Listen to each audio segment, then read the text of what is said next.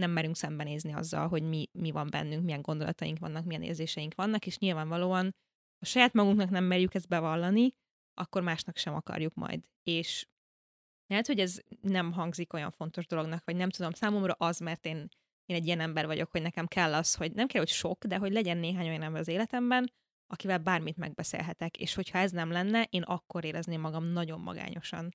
És szerintem emiatt nem lehet leválasztani egyrészt az egyedül létet, meg azt, hogy te a saját gondolataiddal egyedül maradsz, arról, hogy ezt meg is tud osztani valaki mással.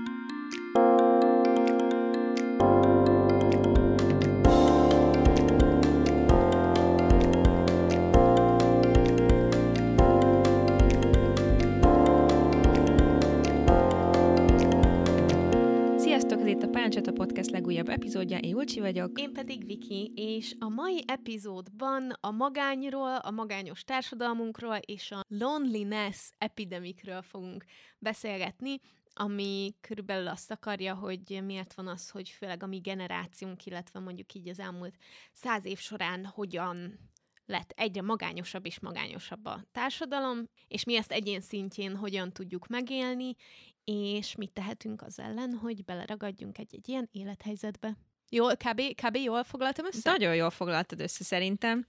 Uh, igen, lehet, hogy ez nem a legvidámabb témának hangzik, de igazából az a célunk, hogy hogy egy kicsit megszólítsuk azokat, akik így szokták néha érezni magukat akár, és, és nyilván egy kis léleksimogatást adjunk ezzel kapcsolatban, hogy nem vagytok egyedül a magányban, és hogy uh, mik azok a dolgok, amiket szerintünk érdemes lehet tenni ellene, és ebben rátok is nagyon számítunk, hogy majd a podcast kikerülése után ti is írjatok jó tanácsokat egymásnak, illetve nyugodtan lehet barátkozni is az epizód a kapcsolatos poszt alatt a Facebook csoportban. Igen, mert mindannyian, nagyon fontos, hogy mindannyian magányosnak érezzük magunkat az életünk bizonyos szakaszaiban, vagy mindenkivel előfordul élete során, szóval ezért jó, hogyha beszélünk róla. Valaki lehet, hogy épp benne van, valaki benne volt, valaki benne lesz, úgyhogy ezért mindenki számára hasznos lehet.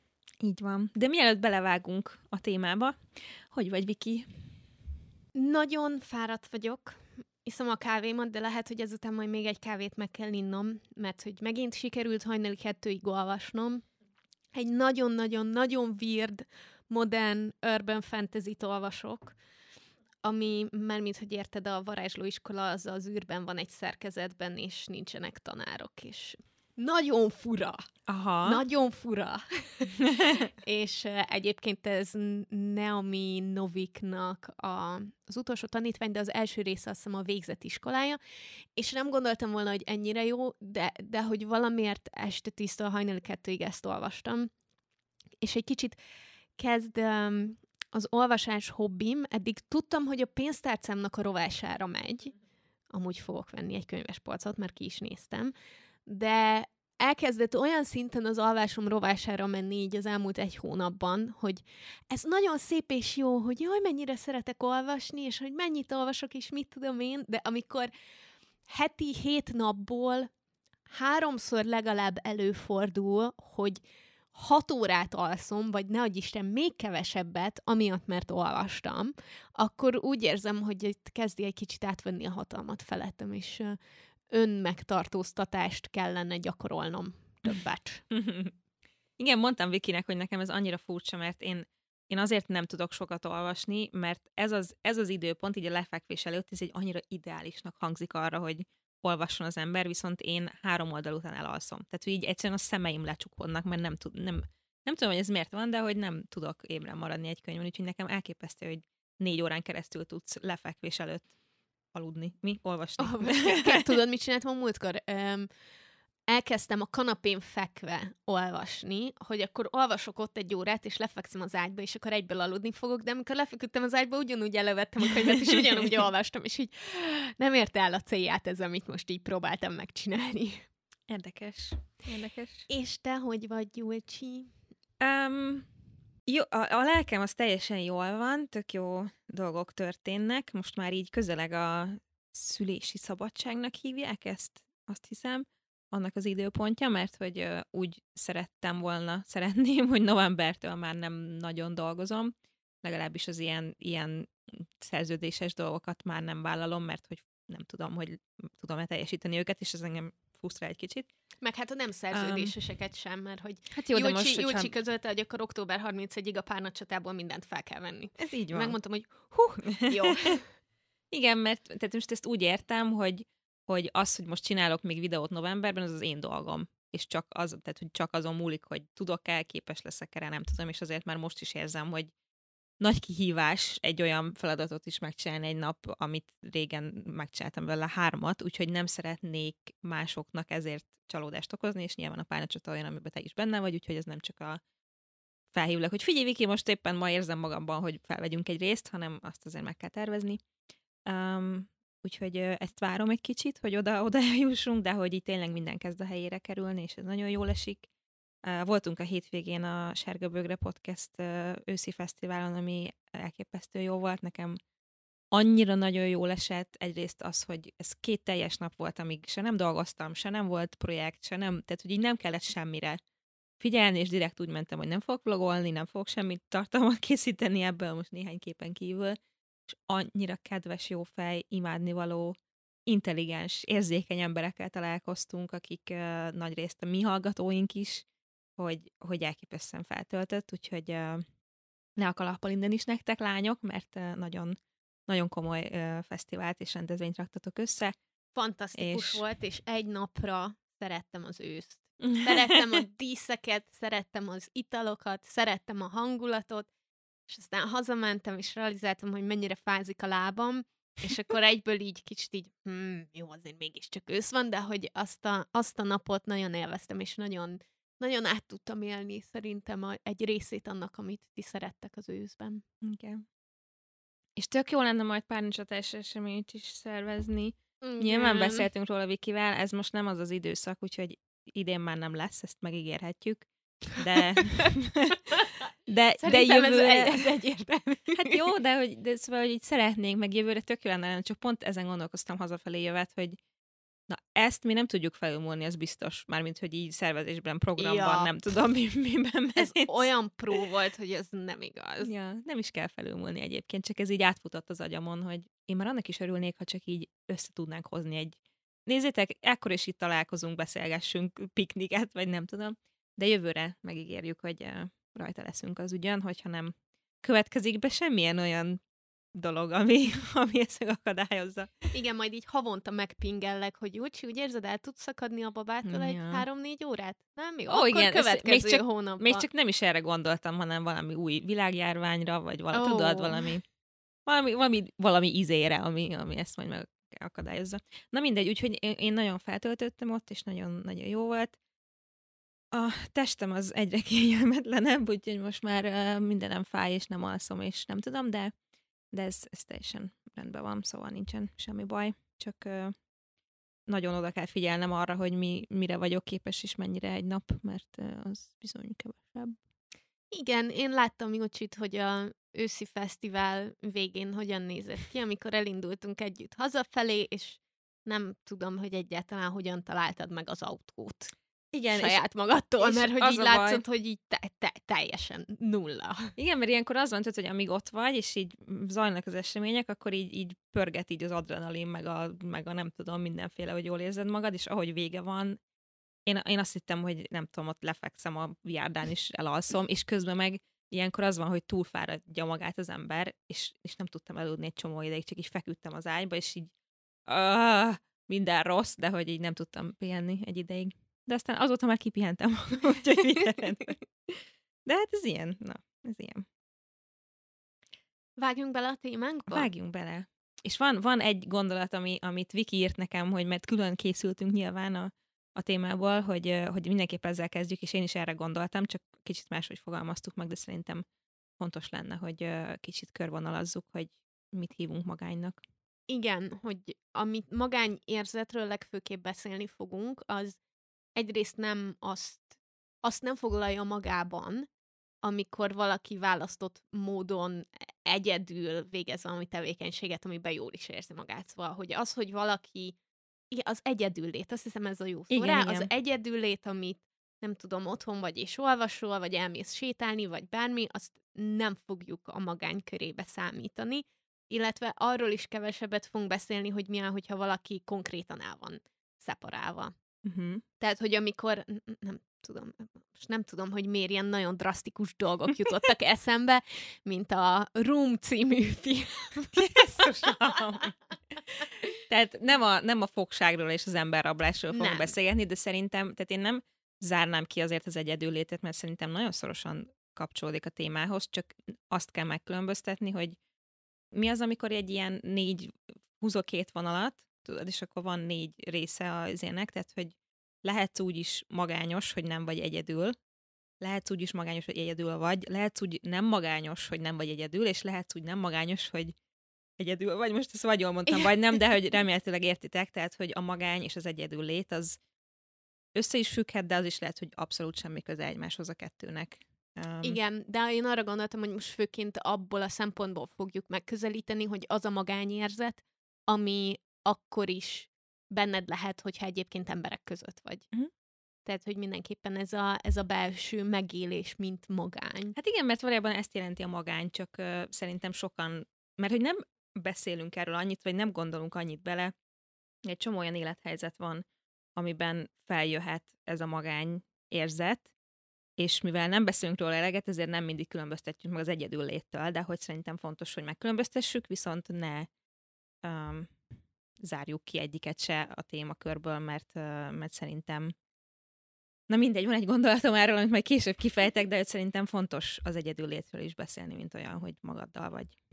Szerintem amúgy jobban körvonalazódik, hogy mit foglal magába, hogyha megnézzük azt, hogy a magány egyébként egy az evolúciónak egy terméke. Uh-huh. Szóval, hogy valahonnan onnan ered, hogy nyilván az emberiségnek a kezdetén azért alakult ki ez az igény, mert hogyha hogyha a szociális igényeidet teljesítetted, akkor az azt jelentette, hogy egy közösségbe vagy, míg hogyha egyedül maradtál, akkor elkapott a kartfogú tigris, és nem volt mit enned, és megfagytál éjszaka, és senki nem vigyázott rád, vagy, vagy érted, nem tudtad, nem tudom, a gyerekedet ott hagyni valakire, amíg te elmentél gyűjtögetni, vagy hogy alapvetően így az ősember korában is már megvoltak azok a dolgok, amikre szükséged volt a túléléshez, és ezért alakult ki a szociális igény így, a, így az embereknek a fejében, Mhm. hogy ezek biztosítva legyenek, mert hogy a, a túlélésről szólt a dolog.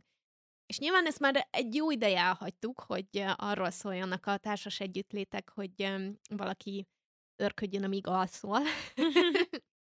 Ettől függetlenül ezt így nem lehet kiírtani a, nem tudom, így a zsigeri ösztöni szintről, de hogy meg kell tanulnunk a helyén kezelni. Igen. Tehát, hogy a, hogy a magány egy nagyon fontos érzés, ami egy igényt, egy hiányt jelent, de közben pedig nem szabad így, nem tudom, szerintem ösztönszinten kezelni, hanem, hanem a, a modern világ problémáihoz viszonyítva kellene inkább hozzányúlni. És pontosan azért ilyen jó, hogy ezzel a, jó, hogy az ősemberekkel kezdted a témát, mert hogy az az egyik legérdekesebb ebben a kérdésben, hogy a mai társadalmunk elvileg a legmagányosabb, ami volt eddig, ami létezett, és, és ebben olyan nagyon szürreális belegondolni, úgyhogy folyamatosan kapcsolatban vagyunk, és soha nincs körülöttünk csend, és nem vagyunk egyedül, és, és bármikor bárkivel fel tudjuk venni a kapcsolatot, és és ez, ez szerintem nagyon-nagyon érdekes, hogy, hogy hogy lehet, vagy hát tudjuk, hogy hogy lehet, majd beszélünk róla, de hogy, de hogy tényleg olyan kontrasztos ez, hogy, vagy olyan ellentmondásos, hogy most vagyunk a legmagányosabbak kutatások szerint. Igen, miközben meg azt gondolnánk, hogy most köt minket össze a legtöbb dolog.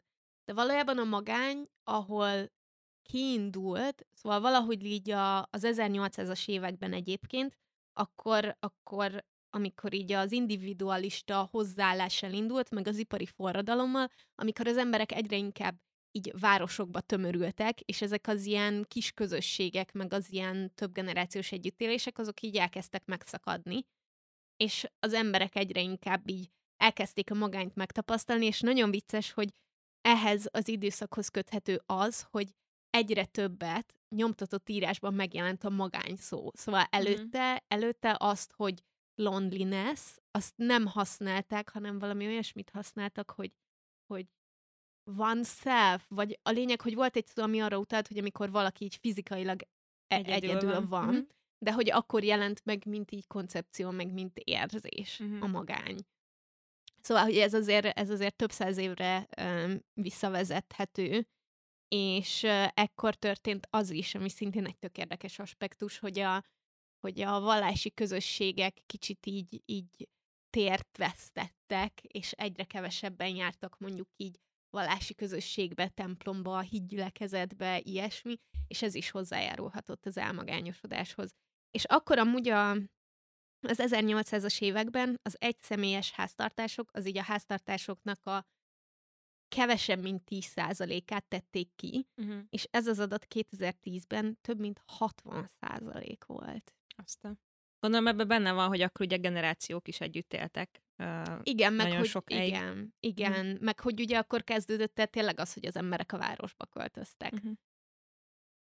Úgyhogy ebbe azért így elég durva belegondolni, hogy 200 év alatt így ez, ez hováig tudott elgyűrűzni, és van néhány nagyon-nagyon nehéz és csúnya adatom azt tekintve, hogy, hogy mennyire magányosak vagyunk, és mit tesz velünk a magány, mert hogy egy 2018-as meg 2019-es kutatás alapján azt mondhatni, hogy az embereknek a 22-23 százalékánál konkrétan nagyon komoly problémát jelent saját bevallásuk szerint a magány, míg 46 és 54 százalékuk az, akinek nem komoly, de valamekkora problémát jelent az életében. Szóval a, a fejlett társadalmaknak a felének, legalább az emberek felének vannak magányos időszakai, meg magányérzete, ami, ami elképesztően durva. És volt egy, 2015-ben volt egy átfogó kutatás, ami 70 tanulmányt vizsgált meg, összesen 3,4 millió embert, és azt találták minden, az összes egészségügyi adatot, meg mindent összevetve, hogy azoknak az embereknek, vagy azoknak az embereknek, akik magányosak 26%-kal, azoknak pedig, akik egyedül élnek 32%-kal magasabb a halálozási aránya. Uh-huh. Ami nagyon durva, hogy ezt így ki lehet mutatni, hogy a magány meg meg az egyedül élet, az így konkrétan a halálozáshoz hozzá, hozzá tud járulni, mert hogy igazából három tényezőből áll össze, az egyik az, hogyha egyedül vagy, magányos vagy, egyedül élsz, nem vagy így közösségben, akkor sokkal könnyebb így környezeti szempontból belecsúszni um, egyre egészségtelenebb szokásokba, szóval, hogy nem tudom, mondjuk, mint a dohányzás, meg az alkoholizmus, meg az ilyen önpusztító tevékenységek. Ezen kívül közrejátszik az biológiai szempontból, hogy nagyobb a stressz, és ennek uh-huh. mindenféle velejárója az alváshiánytól elkezdve akármi, és, a, és pszichológiai szorongást is okoz, és, és ez meg nyilván, nyilván depresszióhoz is vezethet. Szóval ez, ez a három tényező, ez egy ilyen folyamatos egymásra ható spirált alkot valójában, amik, amik mélyítik és egyre komolyabbá teszik azt a problémát, hogy amúgy mennyire magányos a társadalmunk. És hozzá kell tennem, hogy amilyen cikkeket olvastam, sehol nem tudták konkrétan kimutatni azt, hogy a közösségi média hozzájárul-e, vagy sem az elmagányosodáshoz ez volt az egyik első, ami felmerült bennem, hogy jaj, hogy lehet, hogy ennyire sok összeköttetésbe vagyunk, és mégis ennyire magányosok vagyunk, és azt gondoltam, hogy majd találok ezer kutatást arról, hogy a közösségi média milyen hatással van ránk, meg a magányérzetünkre, és hogy, hogy nincsenek egyértelmű eredményei ennek.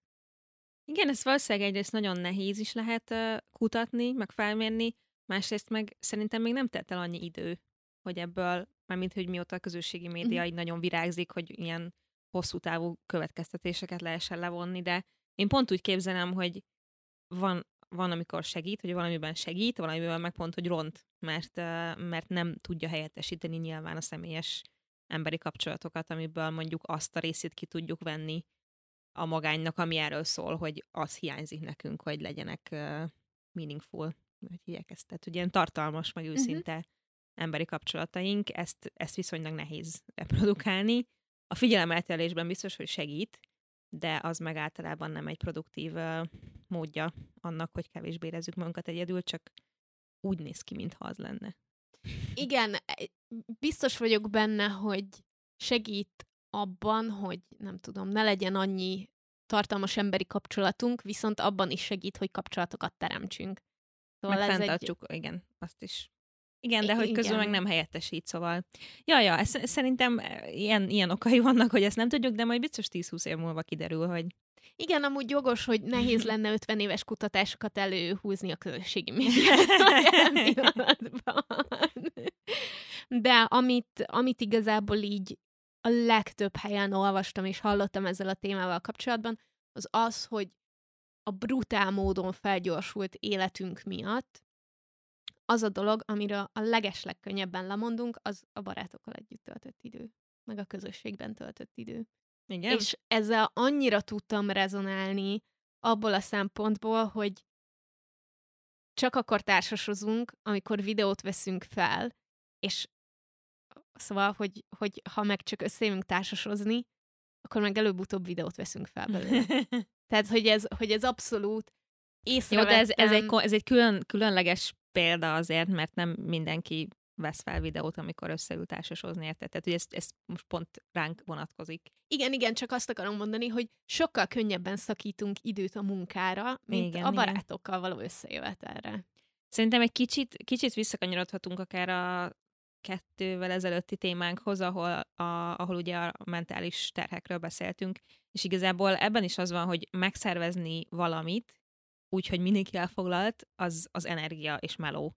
És, és szerintem ez az a része, amit nem mindig tudunk belerakni, vagy így, tudod, így elmennek a napok tényleg, és ha nincs ez fókuszban, meg nem, nem kezeljük prioritásként, vagy nincsenek olyan szokásaink, amik mondjuk segítenek azon, hogy ez egy fix rendszeres dolog legyen, akkor, akkor tényleg elmehetnek úgy hetek, hónapok is akár, hogy nem szervezünk semmit, és nem töltünk minőségi, együtt, idő, na, minőségi időt együtt a barátokkal. Meg szerintem ez tök jól visszaköthető oda is, hogy ez az egész ilyen hustle culture, hogy nem szakítasz időt a mentális egészségedre, meg a pihenésedre, mert hogy az nem tűnik hasznosnak. És ugyanígy, hogyha megnézed, akkor nem tűnik hasznosnak a produktivitás szempontjából, hogy a barátaiddal együtt vagy, csak egyre inkább azt vesszük észre, hogy ez tökre a, az életünk, meg az egészségünk, meg az élethosszunk, meg, meg mindennek a rovására megy. Pedig nem gondolnám, hogy az, hogy a barátaimmal vagyok, az, az nem tudom, emiatt kisebb kockázatom lenne az Alzheimer korra, de vannak, tudatás, vannak kutatások, amik ezt mutatják ki, ami ja. annyira durva, hogy az, hogy közösségbe vagy, és nem vagy magányos, és emberek között vagy, és, és erős szociális kapcsolataid vannak, azok ilyen szinte teljesen független dolgoktól is hát tudnak nem megmenteni, de csökkenteni az esélyét.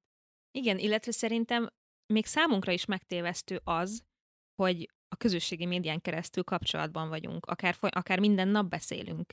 És, és teljesen úgy érezzük, hogy, hogy de hát van szociális életem, hiszen beszélgetek a barátaimmal. És most gondolj bele, hogyha ez nem lenne, nem tudnál csetelni valakivel, vagy nem tudnád felhívni, akkor mennyivel jobban éreznéd azt, hogy te jó ég, én nem töltöttem időt együtt a barátaimmal, vagy bárki mással, aki nem a postás, vagy az, akivel együtt élek, nem tudom mióta. Szóval szerintem ez is, ez is közrejátszik, hogy megvan az az érzés, mintha lennénk a barátainkkal, de valójában nem vagyunk. Meg ehhez szerintem az nagyban hozzájárul, hogy amikor mondjuk csetelünk online, akkor a kommunikációnak csak egy nagyon felszínes szintje megy át. Szóval, hogy az összes mondjuk ilyen mm, akár a hanghordozással, meg az összes mm. ilyen nonverbális jellel, amivel szintén kapcsolatot teremtünk egymással, az ott nincsen jelen. Szóval, hogy csak egy ilyen nagyon felszínes információk közlés szokott létrejönni, ami egyébként sokkal több, mint a semmi. Tehát, hogy nagyon-nagyon sokat tud használni, főleg amikor mondjuk olyan emberekkel kapcsolódsz, akik nincsenek jelen fizikailag az életedben, akár mondjuk online nagyon nagy távolságokkal, vagy bármi, de hogy ha megnézzük a saját meglévő emberi kapcsolatainkat, akkor is az van, hogy, hogy az, hogy csetelünk, az összehasonlíthatatlan azzal a kapcsolódási szinttel, mint amikor élőben ülünk egymással szembe és beszélgetünk, és ez már amiatt is eszembe jutott, hogy milyen volt, amikor a Covid során online vettük fel a párnacsata részeket, hogy, hogy nem tűnik ilyen nagyon nagynak a különbség, de érzetre azonnal megvolt, hogy mennyivel igazibb, hogyha itt vagyunk egy uh-huh. szobában. és nem csak a webkamerán keresztül látjuk egymást. Igen, ez biztos. Én nem emlékszem pontosan egy kutatásra, amire, amiről olvastam, de az pedig arról szólt, Amerikában kérdeztek meg egyébként embereket, hogy hány közeli barátjuk vagy közeli szoros kapcsolatuk van másokkal, és öt év alatt ez is háromról kettőre csökkent átlagosan, illetve a leg, nagyon sokan mondták azt, hogy a legtöbben mondták azt, hogy, hogy nulla. Tehát, hogy ami ilyen nagyon-nagyon szoros, és szerintem ez sem mindegy, mert lehet, hogy valakit körbevesz egy csomó ember, de senkivel nem osztja meg úgy igazán, ami, ami, ami benne van a gondolatait, az érzéseit, és szerintem azért fontos, egyrészt elérkeztünk a, az önismerethez már is, meg, meg ahhoz, hogy az önelfogadáshoz, mert nagyon sokszor ennek az lehet az oka, hogy még saját magunkkal sem nem, nem merünk szembenézni azzal, hogy mi, mi van bennünk, milyen gondolataink vannak, milyen érzéseink vannak, és nyilvánvalóan, ha saját magunknak nem merjük ezt bevallani, akkor másnak sem akarjuk majd. És lehet, hogy ez nem hangzik olyan fontos dolognak, vagy nem tudom, számomra az, mert én, én egy ilyen ember vagyok, hogy nekem kell az, hogy nem kell, hogy sok, de hogy legyen néhány olyan ember az életemben, akivel bármit megbeszélhetek, és hogyha ez nem lenne, én akkor érezném magam nagyon magányosan. És uh, szerintem emiatt nem lehet leválasztani egyrészt az egyedül létet, meg azt, hogy te a saját gondolataiddal egyedül maradsz arról, hogy ezt meg is tud osztani valaki mással. Igen, és nagyon eszembe jutott erről az, amikor társaságban vagy, és magányosnak érzed mm-hmm. magad. Tehát, hogy ott vannak körülötted az emberek, és mindenki bulizik, meg jól érzi magát, és te pedig csak ülsz a fejedben, hogy mennyire azt érzed, hogy senki nem lát téged, meg hogy senki nem figyel meg, hogy senki se ért meg téged igazán, és ez nem tudom, hogyha így megkérdezik, hogy hány ember ismer téged igazán, akkor azt tudom mondani, hogy egy én. Uh-huh. Szóval, hogy nagyon könnyű magunkat így függetleníteni a környezetünktől fejben. És tök érdekes szerintem, hogy ha magányosnak érezzük magunkat, és ez a testünkbe be, beindítja a stressz reakciókat, akkor sokkal inkább érzi, sokkal inkább ez a alert leszünk. Uh-huh. Szóval, hogy tudod, ilyen, ilyen ugrásra készen, meg ilyen figyelmes, meg nem tudom, uh-huh. milyen állapotba fogunk kerülni a stressz hormonok miatt.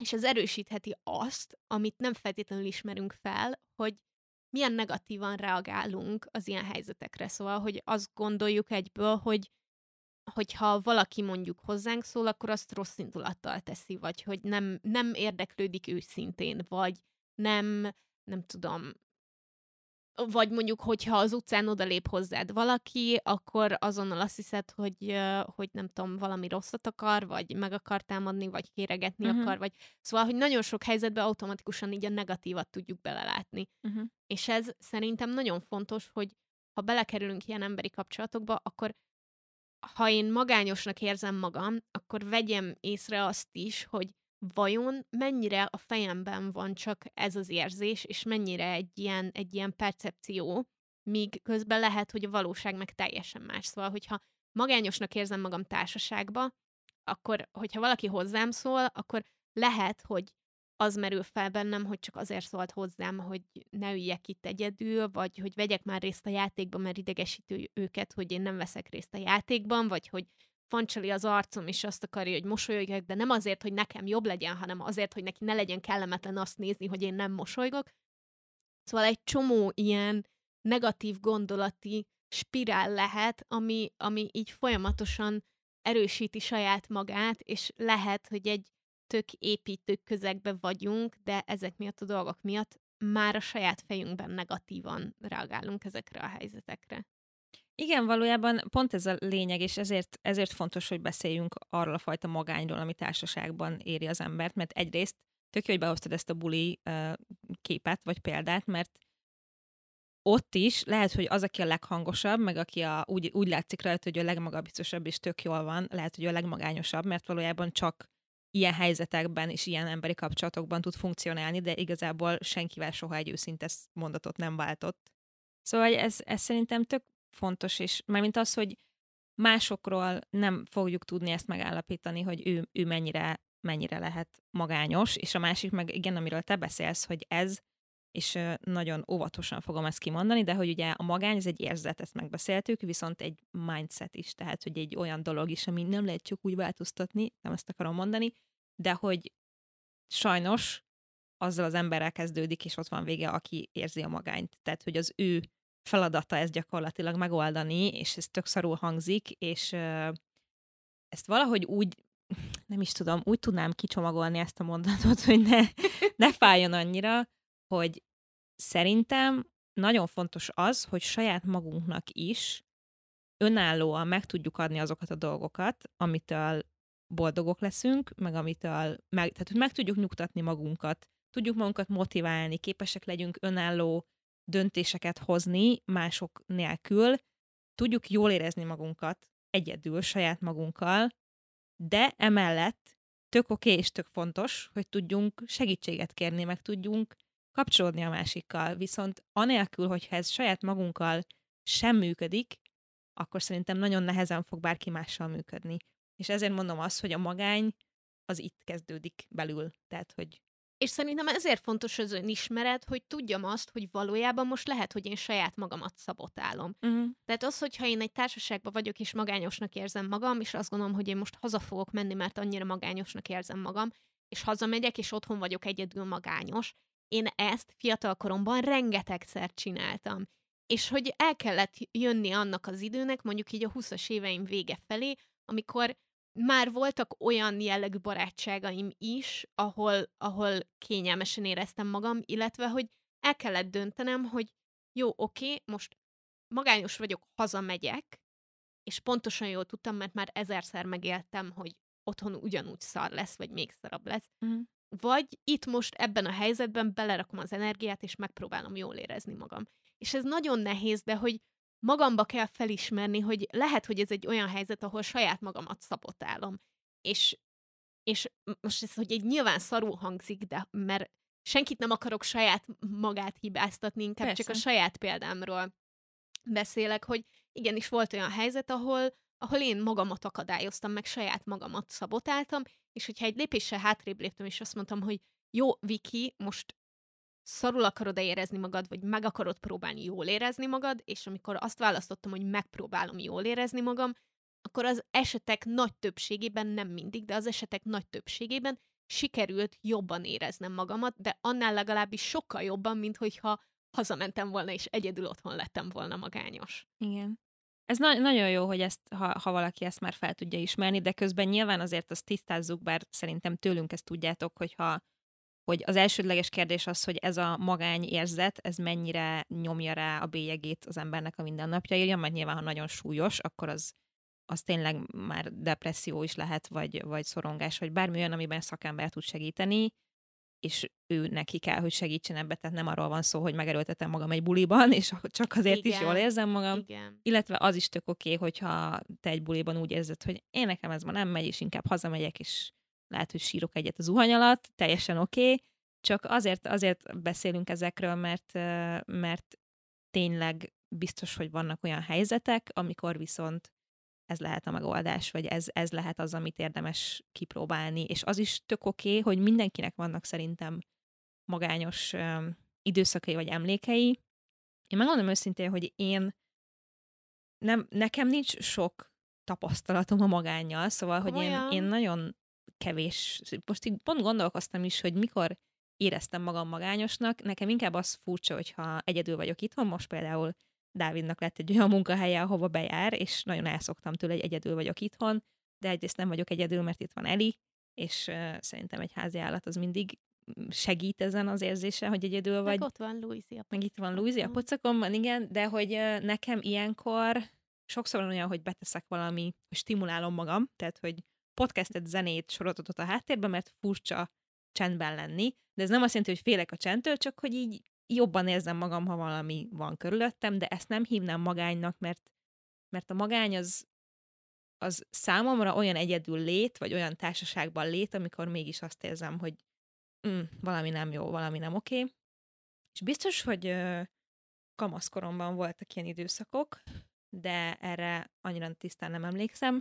Viszont ami egy nagyon tipikus ilyen magány, magányos élethelyzet tud lenni, az a friss anyukáknak például, amikor a kisbabával vannak, és mondjuk éjszaka, és ezt már most is tapasztalom, amikor nem tudok aludni az éjjel, hogy így ébren vagyok, de hogy ilyen, mintha nem tudom, teljesen kialudtam volna magam, és annyira csend van, és közben tudom, hogy most, most mindenki alszik, legalábbis az emberek nagy része alszik, és olyan érzés, mintha én lennék a világon egyedül ébren, és ebben van egy kis ilyen magányérzet, amit már most is így egy picit átéltem, de hogy ez például egy Nézd, ilyen tipikus... hogyha ez hajnali kettő körül történik, akkor nyugodtan írjál nekem, hogy Viki ébren vagyok, ami azt jelenti, hogy nagyon nagy baj, ha te is ébren vagy. Jó, írok majd, hogy remélem alszol. De hogy csak azt akarom mondani, hogy szerintem tök oké okay, néha magányosnak éreznie magát az embernek, csak nagyon fontos felismerni azt, amikor, amikor tenni kell valamit az ügyben, és lehet, hogy tudsz egyedül tenni, vagy lehet, hogy szakember kell hozzá.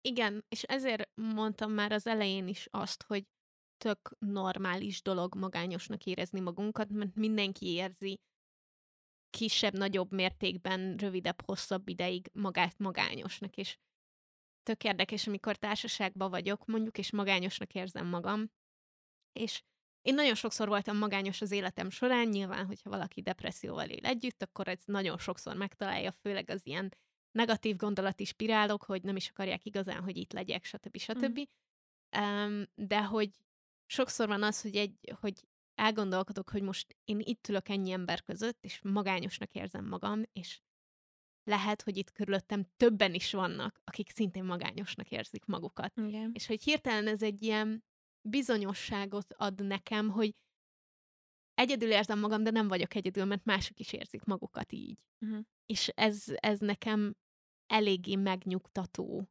De valóban vannak azok a helyzetek, amikor amikor meg teljesen természetes, hogy nem tudom, mit akartam mondani.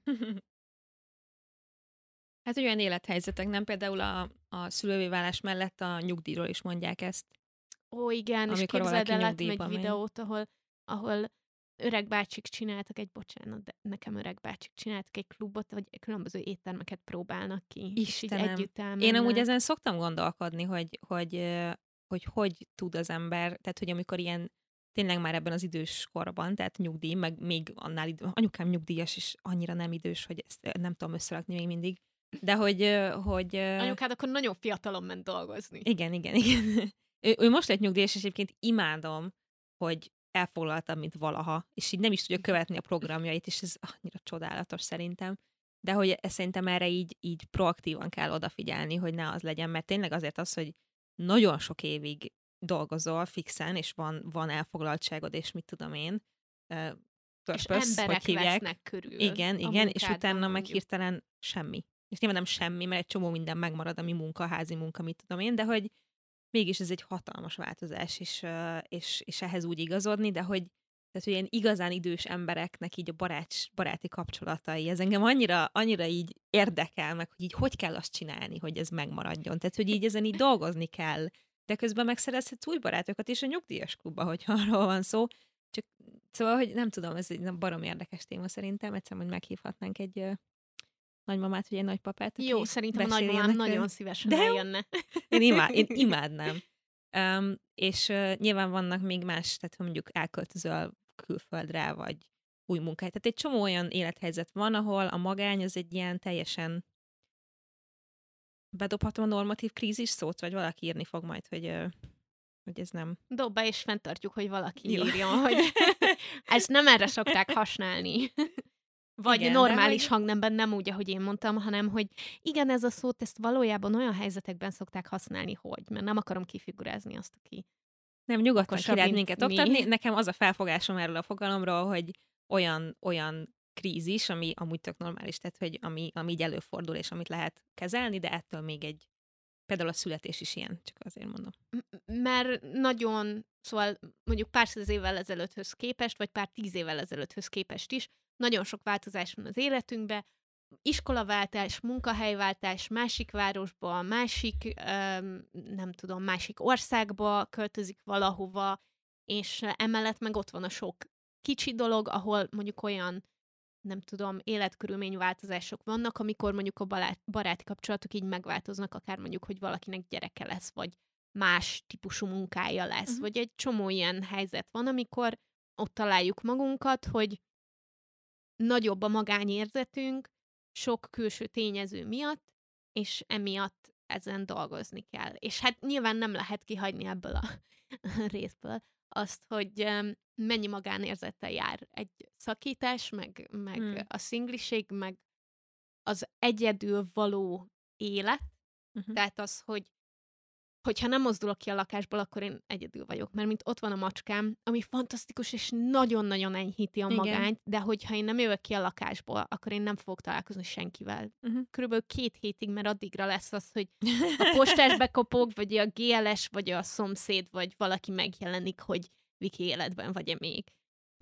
De hogy igen, az pedig egy olyan fajta magány, ami egy, egy akár lehet, hogy egy nagyon hirtelen magány, egy nem választott magány, és amit nagyon-nagyon nehéz pótolni, mert hogy nyilván egy, egy párkapcsolat az olyan, olyan mélységű, olyan intim kapcsolat, olyan közeli, és annyira támogató, meg segítő egy egészséges párkapcsolat, hogy azt nem igazán lehet szerintem mással pótolni. Tehát, hogy lehet akár mennyi barátom, akár mennyi nagyon jó barátom, azért azt nem fogja tudni pótolni, mint amit az az érzésed, amikor minden reggel valaki mellett felkelsz. Igen. Tehát, hogy vannak ezek a helyzetek, ahol az, hogyha én magányos vagyok, akkor fel kell ismernem, hogy itt van egy igény, ami megjelent bennem, hogy én szeretnék egy ilyen típusú kapcsolatot az életembe, um, de hogy ezért meg aktívan tennem kell, mert a rendelkezésemre álló eszközökkel nem tudom ezt a hiányt betölteni, hm. viszont nem is feltétlenül rajtam múlik, hogy be tudom ezt, tölti, hogy be tudom ezt tölteni, hanem, hanem a szerencsén, hogy éppen ma hazafele ugyanabban az utcában sétálunk-e valakivel, akivel be tudom tölteni ezt a tátongó űrt, ami néha van, és nem kell egyébként a, az egyedüllétnek, vagy hát így a, a, a szingliségnek, meg a, hogy mondják ezt szépen magyarul? Jó, amikor jó, párkapcsolaton kívül vagy. Egyedülálló. Egyedülálló. Szóval, hogy az mhm. egyedülállóságnak nem feltétlenül kell mindig magányt jelentenie, mert... Szerintem nagyon sokszor nem jelent azt, tehát, hogy... Igen, nem... csak hogy én például, aki alapvetően azt gondolom, hogy magányos vagyok, és alapvetően azt gondolom, hogy szeretnék egy párkapcsolatot, uh-huh. ez hiába egy olyan igény, ami nincsen betöltve, nem folyamatosan áll fenn az emiatt uh-huh. lévő magány. Tehát, hogy mégis az életemben nagyon sok olyan helyzet van, amikor igenis így, így elégedetnek, meg, meg teljesnek érzem magam. Szóval szerintem azon is érdemes dolgozni, hogyha valaki egy ilyen szituációban, ahol teljesen természetes, hogy magányosnak érzi magát, de az nem oké, okay, hogyha mindig így Igen. érzi magát valaki. Szóval, hogy akkor tényleg érdemes szakemberhez fordulni. De igen, azt is elismerem, tapasztalatból is mondom, hogy sokszor pedig nem csak romantikus kapcsolatokban, de baráti, meg családi, meg minden kapcsolatban, igenis nekünk kell megtenni az erőfeszítést, hogy mi saját magunk jobban érezzük magunkat. Igen, mert hogy ö, sajnos ez nagyon szomorú dolog, de hogy egy párkapcsolatban is lehet valaki magányos, amikor benne van. Tehát, hogy amikor látszólag úgy néz ki, akár, hogy minden rendben van, de, de mégis magányos, hogy akár már egy családban, tehát hogy valakinek gyerekei vannak, férje van, ott is érezheti magát magányosnak, és, és az a helyzet, hogy ezek azok a Aj, nem tudom, szerintem nagyon hasznos saját magunkkal csendben lenni, de hogyha valaki éppen küzd valamivel, akkor baromi nehéz is, mert hogy pontosan tudod, hogyha én most egy pillanatra lerakom a hétköznapi automatizmusokat, meg azt, hogy megbeszélem a férjemmel, hogy milyen napja volt, meg a gyereknek elkészítem a vacsoráját, most tegyük fel, hogy ezek az ilyen napi rutinok, uh, addig tudok funkcionálni, de most leülnék, és magamba szállnék, és elgondolkoznék azon, hogy mit érzek, és hogy... Meghallanád miért... a saját gondolataidat. Bizony, és uh. hogy miért, miért is van ez az egész, az nyilván tök nehéz arra rávennie magát az embernek, de Szerintem az ilyen jellegű magányból a kiút az valahol itt kezdődik. Tehát, hogy ha magányos vagy egy párkapcsolatban, akkor azt legelőször saját magadban kell tisztáznod, hogy vajon miért érzed ezt, vagy mi, mik ezek, milyen, milyen egyéb érzések veszik ezt körül, és utána lehet megpróbálni helyre rakni. De hogy uh, sokszor nincs idő, kapacitás, lehetőség, bátorság arra, hogy az ember ezt, uh, ezt megtegye.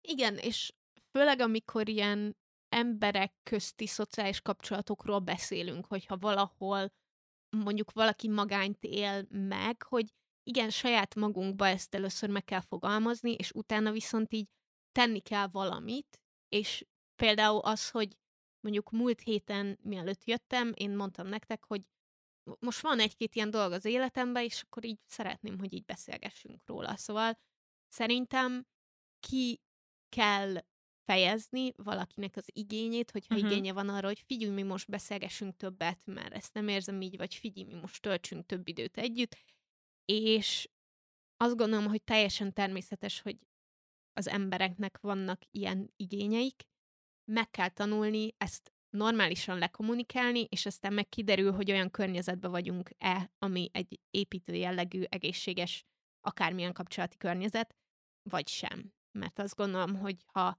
kommunikáljuk az igényeinket valaki felé, az az ő reakciója az már nem minket minősít. Abszolút, mert hogy egyébként egy, tehát szerintem én, én azt gondolom, hogy nem csak egy boldogtalan párkapcsolatban vagy barátságban érezheti magát magányosnak az ember, hanem, hanem bármi olyan dolog történhet, ami miatt ez egy időszak, ami, ami, amin keresztül megy, és ezért is érdemes. Tehát ugye egy bensőséges jó kapcsolatban is fontos ezeket megfogalmazni, mert vagy hát nyilván, hogy ott valószínűleg egy kicsit könnyebb, mint egy egyébként felületes barátságban, ahol azt mondod, hogy én most nagyon szeretném, ha szintet lépnénk, szóval nyilván az is egy egész más téma, de hogy pont ezért nagyon fontos megfogalmazni az igényeinket, és először nyilván felmérni, hogy mik az igényeink, vagy mi az, ami, ami segítene rajtunk, mert, mert sokszor teljesen véletlenül uh, is elterelődik az ilyen jelentéktelenebb dolgok felé egy, egy kapcsolat, vagy egy, egy társalgás két ember között.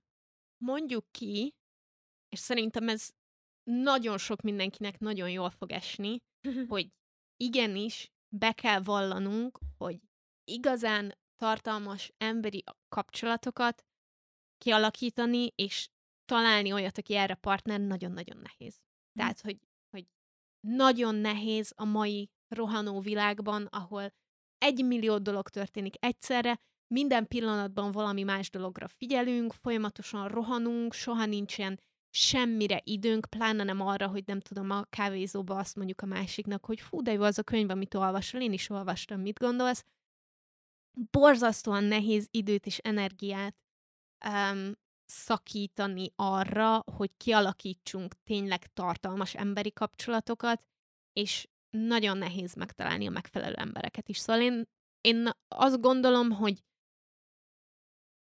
egy csomó tök jó fej, tök jó ember van a világon, de én nem fogok bárkivel meccselni se párkapcsolati, se baráti, se ismerősi szinten.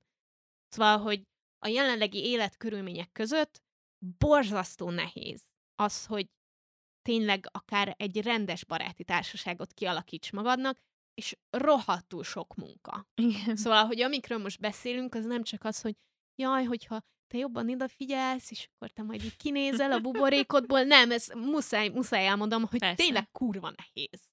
Igen. És aki, aki emiatt érzi magányosnak magát, hogy ő próbálkozik, de nem talál olyan embert, aki, aki partner tud lenni, tökre megértem, és teljesen jogos, hogy így érzi. Mert, mert annyira... én mondhatom öt különböző embernek is azt, hogy figyelj, ígyunk meg valamikor egy kávét, és csak így dumcsízunk, vagy valami, és hogyha mind az öten visszautasítanak, mert a munkájuk fontosabb, akkor ez nem az én hibám. Persze, meg ezt nem lehet erőltetni, tehát ha még el is mentek és megisztok egy kávét, akkor utána érted, lehet, hogy csak akkor találkoztok megint, ha te írsz megint, megint, meg újra. Tehát, hogy, hogy nyilván barátkozni is pont olyan nehéz, hanem talán még nehezebb, mint párkapcsolatot találni, mert ott mert a barátkozásra nem sok applikáció létezik. Egyébként biztos vagyok benne, hogy vannak ilyenek is, de hogy nyilván ez egy nehéz, nehéz feladat, hogy barátokat keressen az ember, de én annyira imádom ezt, hogy ne, remélem nem baj, hogy elmesélem. Én nem tudtam elmenni sajnos Eszternek Method the Moon Eszterként szoktunk hivatkozni rá a könyv bemutatójára. Egyébként most jelent meg neki a Köszi Jól című könyve, amit még nem olvastam de már is tudom, hogy nagyon jó, úgyhogy olvassátok el. Ez, na, ez azért kis elfogultságot Lehet. érzek kihallani innen. Lehet, Én kb. az egyharmadánál vagyok, és valóban nem rossz. Én mondjuk, most akkor ezt itt elmondom, én, e, van benne sok ilyen önismereti feladat is, meg ilyesmi, amiket uh-huh. én elkezdtem megcsinálni közben. és egy ponton írt, írtam Eszternek, hogy nem szóltál, hogy ez nehéz. és így mondta, hogy hát igen, a koncepció része, hogy nem mondja el az embereknek, hogy mennyire nehéz feladatok vannak benne, és így kösz. Kösz. Na látod, tudtam én, hogy jó. Szóval uh, volt egy könyvbemutató, amire sajnos nem tudtam elmenni, de hogy te ott voltál, meg többen, és tudom, hogy azóta már találkoztatok azokkal a lányokkal, akikkel ott együtt voltatok, nem is egyszer, és hogy ez szerintem ilyen, tehát hogy zseniális. Hogyha elmész egy olyan helyre, ahol van valaki, aki téged inspirál, és ezzel kapcsolatban lehet kapcsolódni, meg nyilván az őszi fesztivál is tökre erről szólt, hogy így ott, ott, ott mindenki egy csomó átfedés van, hogy videókat néznek, meg podcasteket hallgatnak, meg ők is ott voltak a yoga workshopon, meg mit tudom én, és itt már egy olyan légkör van, hogy nem ismerjük egymást, de mégis mindenki olyan hasonló, mint te vagy, meg mindenkivel könnyű beszélgetni, és nagyon könnyű azt mondani, hogy figyelj, jövő héten megyek erre izére, ú, megyek veled, de jó. Tehát, hogy és én ezt rajta tökre látom az utóbbi időben, hogy egy csomó ilyened van, hogy mész ilyen helyekre, és új emberekkel vagy, és, és újra meg újra találkozol velük, szóval... Igen, mert, mert felismertem, hogy nekem kell tenni. Egyrészt felismertem azt, hogy nyilvánvalóan változnak a barátságok, ti eléggé el lesztek foglalva. Ami szabadidőtöket eddig velem töltöttétek, annak egy jó részét nem velem fogjátok tölteni. Kivéve, teljesen leszel közben. Igen, igen, de hát nem költözhetek ide. Um, szóval, hogy, hogy így, így, így kell, hogy több ember, meg több helyzet, meg nyilván szeretnék ismerkedni is, meg szeretném jól érezni magam, szóval szeretnék dolgokat így megtapasztalni, szeretném kialakítani azt az életet, amiben én boldog vagyok. És mhm. felismertem, hogy ehhez kell dolgokat csinálnom. Mm-hmm. Akármennyire is fájdalmas, nekem kell csinálnom ehhez dolgokat. Az egyik az az, hogy társaságba eljárni, és, és igen, például mondjuk a podcast vagy ilyesmi, az tök jó kapcsolódáspont bárkivel, de hogy embereknek egymással is, nem csak uh-huh. velünk. Um, Eszternek meg a könyv bemutatóján azért azt, azt hadd mondjam el, hogy az ott azért volt olyan nagyon durva kapcsolódási pont, mert, um, mert Eszter könyv bemutatóján sült krumpli és bor volt, és hogy délelőtt 11-kor még soha nem voltam részeg, de ott, és szerintem ez egy olyan közös élmény volt mindenki számára, hogy a nap nem is közepén, hanem gyakorlatilag délelőtt berúgni, az, az egy olyan különleges élmény, annyira kevésszer éled át, hogy igen, akikkel ezt együtt csinálod, azokkal valami közösséget tudsz ezután vállalni, de hogy nyilván itt um, sokan egyébként uh, Eszter workshopjaira járnak, és onnan ismerik magukat, de én úgy voltam vele, hogy utána elhívtak, elhívtak egy házi bulabén, meg így mi baj lehet? Ott is lesz bor. Mi baj lehet? Igen. Csak, ezt, csak azért, azért akartam elmondani, mert nyilván azt látjuk, meg tudjuk, hogy nehéz, ha az ember így szándékosan én most szerzek egy új barátot, de hogy, hogy vannak ilyen nagyon-nagyon klassz lehetőségek, ami, aminek érdemes adni egy esélyt, mert hogy így baromi, annyira szép dolgok jöhetnek ki belőle, hogy elképesztő. Én hoztam listát. Na, hogy kérlek. hol lehet, hol lehet barátokat vagy emberi kapcsolatokat szerezni per elmélyíteni. Nyilván okay. a, leg, a legegyszerűbb az, az, hogy a meglévő barátainknak, ismerőseinknek írni, szia, hogy vagy mhm. találkozunk egy családtagjainknak. Uh-huh. A, meglé- a meglévőket elmélyíteni, meg onnan szerezni ilyen szociális energiákat, az, az lehet a legegyszerűbb lépés, de hoztam egy listát, hogy hol lehet új embereket megismerni. Na. Sportklubokban, zenei klubokban, um, koncerteken. Zenei klub, ezt olyan, mintha egy enciklopédiából olvastad Tudom. Akár társasjátékos esteken, vagy videójátékokban, iskola, munkahely, vallási közösségben, mert egyébként eredetileg a vallásnak egy nagyon-nagyon alappillére volt az, hogy ott közösségben lenni, és ma is tudom, hogy nagyon sok fiatal elkezdett ismét a vallás felé tendálni, és szerintem tök jó, aki itt megtalál magának egy közösséget. El lehet menni önkénteskedni, ahol találkozol egy csomó emberrel, el lehet menni jogaórára, vagy táncórára, jogaórára, például Eszternek a workshopjain. Én is úgy látom, hogy eléggé fasz emberek szoktak ott lenni, most, hogy már voltam egyszer. Lehetne könyvklubba járni, én nagyon mm. szeretnék egy igazi könyvklubba járni, én most olvasni fogom Szabadoságinak a Nincs időm olvasni kihívás ez e havi könyvét, de hogy tök jó lehet, ahol vannak ilyen, nem tudom, ilyen offline könyvklubok, nagyon szeretnék egynek a tagja lenni. Aztán fel lehet használni az állatodat. Például kutyás parkban. Kutyás emberekkel a legegyszerűbb lehet szóba elegyedni. Igen, Jaj, de tudod, mennyi hogy ez, idős a kutyád? Jaj, tudod, hogy mi a legviccesebb ebben? Hogy általában, főleg ha van egy olyan kutya, akivel többször találkozol már, vagy gazdi meg a kutya, mindig a kutya nevét tudod. És tudod, hogy tudod, a Mozsi anyukája, és így fogalmad nincs. így Hiába találkoztatok már tízszer, de hogy általában a kutyáról van szó. Úgyhogy... Igen, de szerintem ez tök Az jó egyébként valami. beszélgetési pont, hogy figyelj, tudom, hogy a kutyát most, mert mindig róla beszélünk, de ne arra, hogy téged hogy hívnak. Igen, Szerintem igen. Ez, ez, hogyha egy ilyen általános jelenség, akkor megint csak az, hogy valószínűleg a másik sem emlékszik a te nevedre, hanem csak a kutyádnak a nevére. Abszolút. Ugyanígy ki lehet használni a gyerekeket is. Mondd, hogy fel lehet használni, ez még sokkal. Um, például játszótéren. Igen. Én a Macinak imádom a sztoriait, amikor elmeséli, hogy lement, lement Lilkoval a játszótérre, és ott az apukákkal beszélgetett a kocsi olajcseréről, és így állok, hogy úristen, ez mint hogyha valami filmből vetted volna ki. Um, aztán vannak mindenféle helyi Facebook csoportok. Nálunk például van um, komposztáló csoport, vagy bármi ilyesmi. Lehet jelentkezni mindenféle tanfolyamra és workshopra, ahol ott vagy emberek között, és, és ott tudsz akár mondjuk nyelvórára járni, vagy ilyesmi. Szóval az ilyen helyeken mindig vannak ilyen páros, meg ilyen csoportos feladatok. Vannak kiránduló, ilyen körök, meg ilyesmi, nem tudom, abban nagyon nem vagyok ott, de állítólag emberek járnak, sétálnak helyekre, hidegben is. Nagyon undén Hidegben hangzik. is. És hát aztán ott van az összes ilyen, ilyen esküvő, házi buli, és mindenféle ilyen klasszikus ünnepség, ahol egy csomó ember összejön, és nagyon gyorsan, mint ahogy a Tinderen is pörgeted a jobbra-balra dolgokat, ott is azonnal látod, hogy ezzel akarok beszélgetni, ezzel nem, ezzel akarok, ezzel nem. Um, illetve, hogyha ezek közül egyik sem jött be, akkor lehet szervezni. Lehet szervezni egy könyvklubot, vagy lehet szervezni egy mindig csak a könyvklubra tudok gondolni, mert nekem most ez, ez foglalja le a gondolataimat, de hogy bármi hobbival kapcsolatban. Mhm. Szóval nem tudom, van, aki sakkozni szeret, és akkor ilyen sakkört csinálnak, meg egy csomó ilyen Igen. szoktam látni embereket, hogy nem tudom, van-e valakinek kedve elmenni fallabdázni, és öten oda kommentelik, hogy igen, menjünk el fallabdázni, jó, vagy, vagy pokémongózni élőben másokkal. Én is csináltam már ilyet.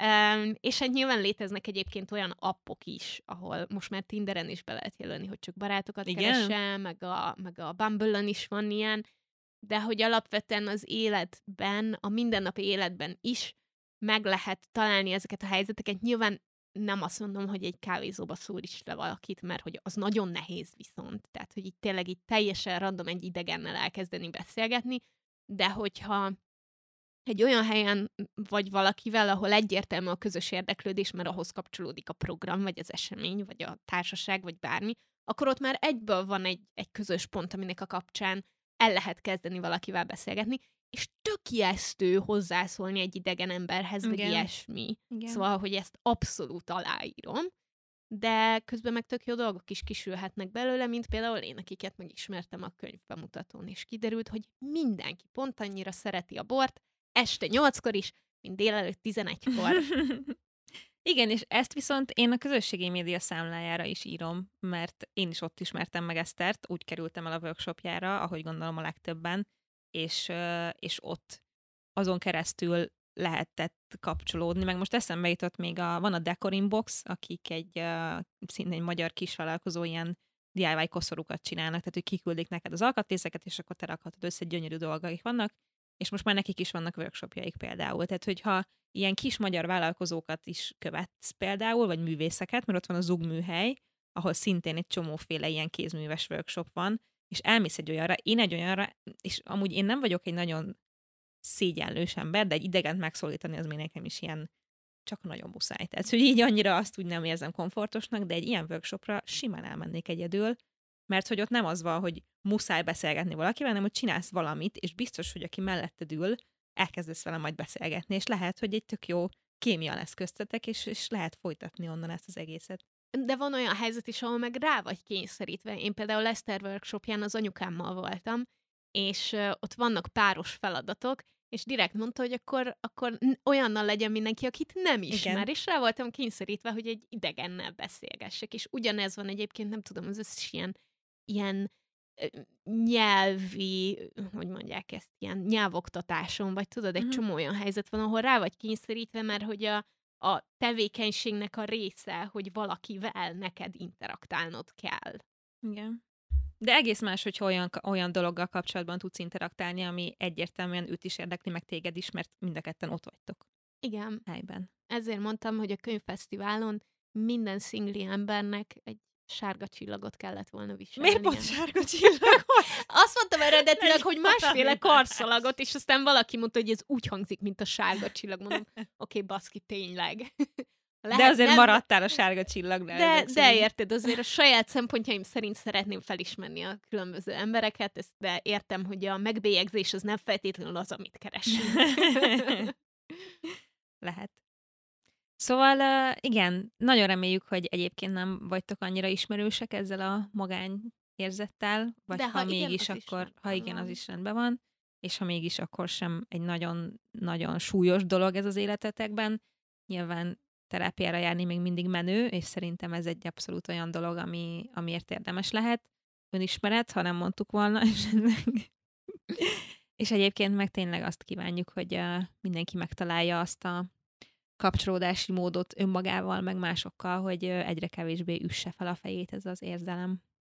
Abszolút. Nyilván most még a szokásosnál is sokkal jobban ajánljuk, hogy a Facebook csoportban csatlakozzatok a beszélgetéshez, mert hiába mi most nem tudunk élő eseményt szervezni, most meg a közeljövőben, ettől függetlenül a, a poszt alatt tudtok egymással ismerkedni, vagy szerintem ez most egy tök jó lehetőség, hogy így emberek azt mondják, hogy figyúztok én tényleg valakivel elmennék, nem tudom, squasholni, vagy sakkozni. Vagy... Szerintem amúgy legyen ez, hogy, hogy így dobjuk be azt, hogy akik igazán bátrak, azok írhatnak egy kommentet, hogy srácok, én társasozni akarok, ebben a városban vagyok, mit tudom én, és akkor a kommentre reagálva lehet csatlakozni. És akkor mindenki írhat nyugodtan egy külön kommentet, azt szerint, hogy hol van és mit akar csinálni, és akkor lehet jelentkezni erre. Igen, illetve, hogyha pedig párt kerestek, nem pedig csak így barátot, vagy nem tudom, akkor ajánlom a Facebook datinget, mert hogy ott be lehet Látszik, jelölni, hogy, csoporttag? hogy csoport Aha. alapján keresel, és akkor hm, lehet, hogy vannak szingli emberek a párnacsat a csoportban, akik mondjuk pont tetszenek nektek. Azt eléggé imádnám egyébként. Már azt is, hogy csak így összejönnétek barátkozni, beszélgetni, jól érezni magatokat, de a párkapcsolat menő lenne. Az első párcsatás baba, oh, vagy házasság, vagy összeköltözés, tök bármi. Az... De a barátságok is ugyanúgy fontosak, jó? Így van, így van. Jó. Így van. Az első közös baráti utazás, vagy az első, nem tudom, minden. Egy társasozós Valószínűleg sose fogjuk megtudni, de... Azt gondolom, hogy ha valakik ez alatt a poszt alatt megszerveződnek, és csinálnak egy társasozós estet, már megérte. akkor lőjenek egy fotót, és, és küldjék be posztként a csoportba, és azonnal jóvá fogjuk hagyni, hogy első párnacsatában összeismerkedett emberek társasozós estje, öt csillag. Most versenyt rendeztünk ebből hirtelen? Nem tudom, lehet. De nem baj. De tényleg, szóval hajrá, ha úgy érzitek, akkor, akkor, akkor szerintem lehet egy kávéval is kezdeni, vagy, vagy bármivel.